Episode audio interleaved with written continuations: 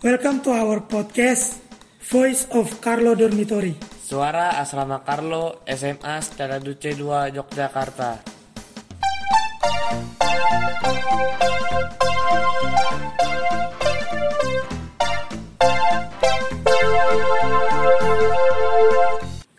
Salam Tarakanita. Satu hati, satu semangat. Tarakanita, yes. Salam jumpa kembali dalam Voice of Carlo Dormitory, suara asrama Carlo.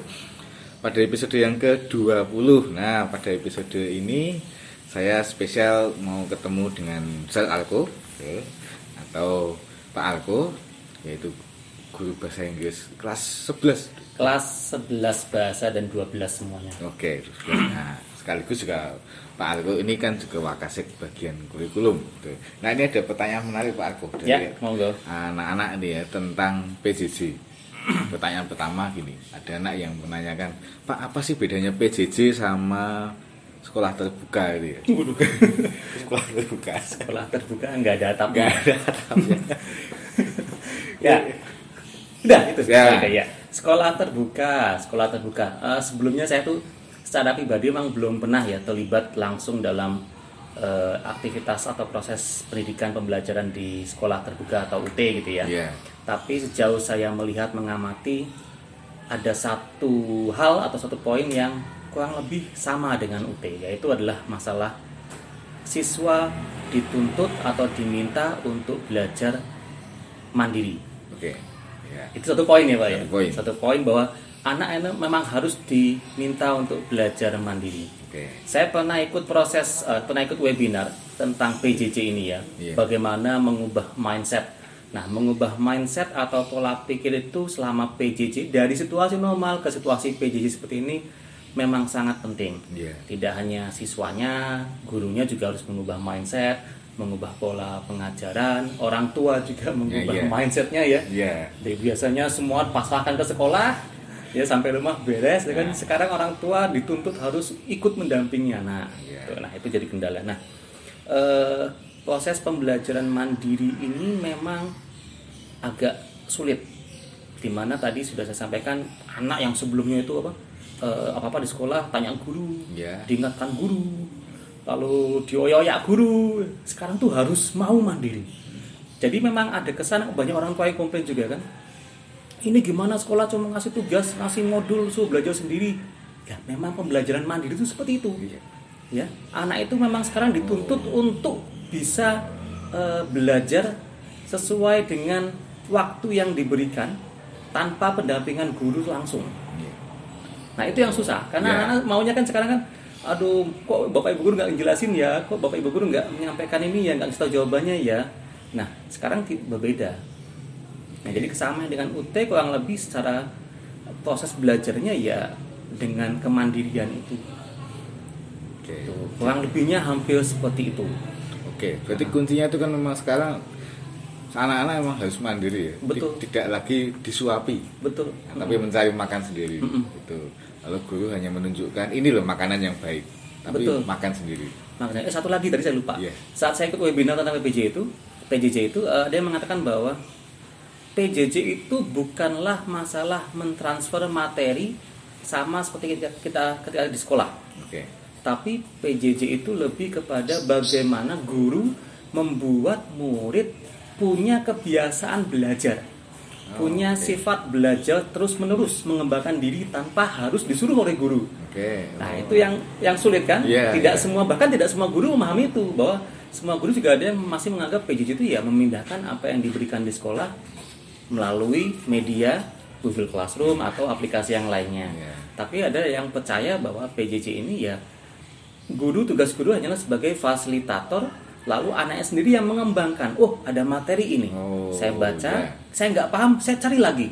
Toh media belajar sekarang sudah banyak tuh ya. iya banyak Wah, Google tuh sudah banyak sekali. Bahkan anak saya yakin ketika mengerjakan tugas juga banyak yang browsing cari tahu ya kan, Iya, cari tahu ini iya. apa sih? Oh, itu. Nah, di situlah belajar mem- mengembangkan kebiasaan belajar mandiri Oh, dalam iya. PJJ.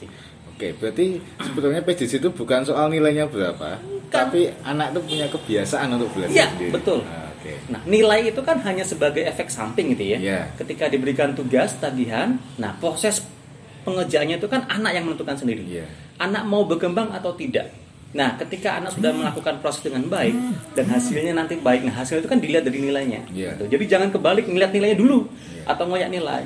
Tuh. Tuh, Oke, berarti pesan untuk anak-anak di rumah ya bahwa sekarang fokusnya adalah bagaimana menciptakan kebiasaan belajar setiap hari Senin sampai Jumat ya dari pagi sampai dengan siang itu jam belajar. Iya, tuh. Tuh.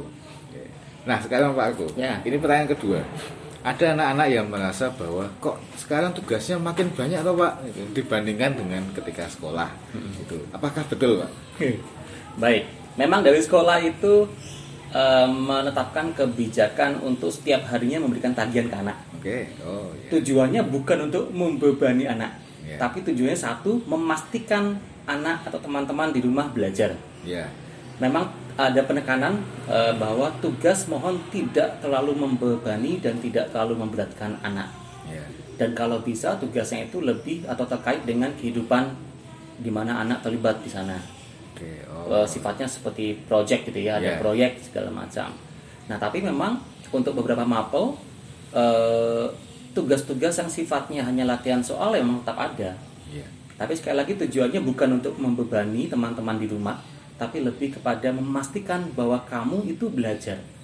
Oh. Ya, sekolah tuh Bapak Ibu tuh jujur punya ketakutan ya. Ya. Karena kita nggak bisa mendampingi secara intens dari jam setengah 8 sampai jam setengah satu siang itu apakah teman-teman di rumah tuh belajar atau tidak kami eh, jujur tidak bisa 100% melihat itu kan Iya. nah caranya bagaimana ya dengan memberikan tagihan itu mungkin cara lain dengan kalau di Google Classroom Bapak Ibu ada yang silakan ketik namanya di bawah. Nah, itu memastikan bahwa teman-teman tuh belajar. Oh. Bapak Ibu tuh nggak mau kalau eh, selama PJJ ini yang jelas kemungkinan besar sampai dengan bulan Desember besok teman-teman di rumah itu malah tidak dapat apa-apa. Malah memanfaatkannya sebagai waktu santai di rumah. Nah itu yang jadi mungkin teman-teman menganggapnya banyak sekali tugasnya kenapa sih kok tugasnya tiap hari tugas? Tiga mapel tiga tugas gitu kan? Nah itu tujuannya memang memastikan teman-teman di rumah belajar. Tapi kalau teman-teman sudah bisa bertanggung jawab terhadap dirinya sendiri bertanggung jawab dengan eh, mengembangkan kebiasaan belajar mandiri tadi mungkin kami juga akan siap untuk tidak selalu memberikan tugas setiap hari. Iya. ya jadi tanggung jawab masing-masing gitu kan?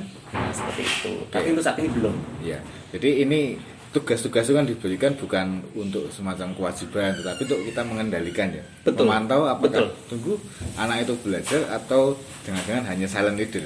betul. Nah, iya. itu ya. betul sekali Oke, sementara itu Siap. Pak Argo pertanyaan dari anak-anak itu yang bisa kita jawab itu. Nanti kalau ada yang menanyakan lagi soal kurikulum, nah nanti saya akan ketemu Pak Argo. boleh siap saya tunggu deh Itu, ini orang tua juga mendengarkan itu Iya. harapannya ya orang tua juga bisa sama-sama belajar lah ya Mm-mm, itu betul, betul. supaya tahu budaya kita di setel itu kalau belajar itu gimana. Iya. Nah, itu. Oke, cukup demi- demikian untuk episode yang ke-20 ini untuk teman-teman di rumah semangat belajar ya, jangan bosan-bosan kalau ada kebingungan tanyalah pada guru ya. Oke sampai jumpa di episode berikutnya. Salam Tarakanita. Satu hati satu semangat. Tarakanita yes.